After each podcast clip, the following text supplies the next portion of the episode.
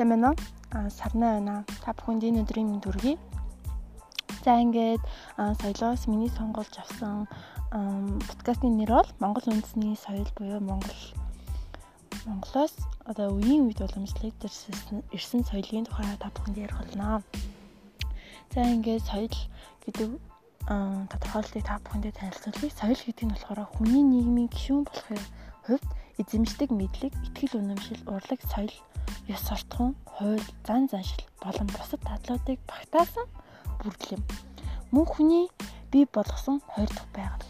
Соёлыг маш олон талаас нь өөр өөрийн сэтгэлээ хэлбэрээр нь авч үзсэн маш олон тодорхойлолт байдаг. А жишээ нь хүний ололт амжилтын зохицуулбар, хүний үйл ажиллагааны үр дүнгээр үеэс үед дамжин өвлөгддөг зүйлс, хүний амьдралын бүх тайлыг хамарсан өргөн хүрээтэй үзэгдэл гэж бас үздэг. Соёл ба хүн хоёр нь бидэд салсгүй салшгүй холбоогоор холбогддог гэдгийг үүнээс харж болно. За тэгвэл Монгол улс маань мөн өөрийн гэсэн соёл уламжлалыг бүхий л зүйлстэй ард түмэн. Монгол үндэсний соёлыг нэгтгэх язгуур үнэлэмжинд Монгол аж төрөх ёс, хэл бичгийн соёл, ардын урлаг, төр ёсны уламжлал, байгаль орчинтой зохисон аж төрөх арга ухаан зэрэг батна. Тэгвэл Монгол соёлын Монгол соёлыг Монгол, Казак гэсэн үндэсний соёлоос голлон бүрдсэн соёлын нэгдмэл гэж үздэг. Мөн Монголын түүх соёлыг үндэсний аюулгүй байдлын дархлаа мөн гэдэг. Үндэсний соёл гэдэг нь тухайн улс үндэсний нийтийн хүртээл болсон итгэл үнэмшил зам байдлын хэв маяг үнэлэмж болон энтэтүүдийн нэгдлийг илэрхийлдэг. Тэгвэл Монгол улсад эртээр үеэс уламжлагдсан ирсэн ёс заншил ихээхэн байдаг. Жишээ дурдж хэлэх юм бол наадам, цагаан сар тий одоо 93 наадам гэдэг ч юм уу тийм байдлаар улам зэрэг төрт баяр ёслолууд нь уламжлагдсан одоо хүртэл би тэмдэглэж байгаа лээ. Энэ байдал нь цаашид ч юм хэмдэ байна гэдэгт бас мөн яагаад гэвэл энэ нь ерөөсөө уламжлагдсан ирсэн учраас мөн энэ ёс нь бидний салшгүй нэгэн хэсэг болно. Монгол улс бусад орны соёлоос ялгагдах өөрийн онцлог гэсэн маш олон соёл байдаг гэсэн ч түүнийг бусад улсаар нэвтрүүлж чадах нь маш хомс байдаг. Үүнээс соёлын бодлого хэмэх зүйл гарч ирнэ.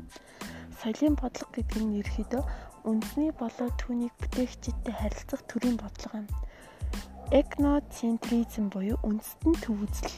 Өөрийнхөө соёлыг бусдынхаас дээгүр гэж үзэж, өөр соёлын хүмүүсийн зам байдал, итгэл үнэмшлийг өөрийн соёлын үүднээс үнэлэх хандлага маш их хэрэгтэй. Бусад хөгжилтэй орнуудын хувьд соёлын бодлогыг асар хүчтэй бөгөөд хурдан явуулдаг. Монгол улсын хоёр хөрш хоёр орнууд буюу Орос, Хятад зэрэг нь Монгол улсыг соёлын бодлогоороо баг багаар түрэн орж ирэх нь маш буруу буюу эмгэнэлтэд илгээж хэлж байна. Гадаад гадаад орж ирж байгаа бүх импортын бараанууд соёлын бодлогын нэг илрэл юм. Монгол улсын хувьд бараагаа татаадтай үйлдвэрлэх нь маш бага. Ихэнхдээ бараагаа гадаадаас оруулж ирж байгаа нь тэр улсынхаа соёл нэвтэрч буй шинж юм аа. Хятад улсын хувьд бүх талаараа зэрэг маш хурдтай маш өндөр түвшинд хөгжиж чадсан улс бөгөөд өөрсдийн соёл уламжлалыг бусад орнд соёлын бодлогоор төрөн орох нь асар хүчтэй чадал боломжтой гэж үзэж байна мөн Орос улс газар нутгаараа хөгжлөөр их тутахгүй өндөр хөгжилтэй орнуудын нэг юм. Ийм хоёр улс гүрний дунд бид орж байна. Энэ хоёр улсаас айгаад тах зүйл байхгүй ч бид өөрсдийн ёс заншил соёлоо түгэнд дэлгэрүүлж хэрэгжүүлэх нь бидний хийж чадах хамгийн зөв болох юм. Монгол улс мөн дэлхийд бусад орнуудаас ялгагдах хамгийн өмнөс зүйл нь бас Монгол босоо бичиг. Энэхүү бичгийг монголчууд бид өөрсдөө авч үзэхийн тулд өөрсдөө ус цас мэд өөрийг болгох нь чухал бид ердөө 3хан сая атомнтэй хэрвээ бид өөртөө гэсэн уламжлалаа дагаж мөрдөхгүй үгүйсэгвэл бусад орны соёл бүрэн нэвтэрч орох нь цаг хугацааны л асуудал болно гэж бодож байна.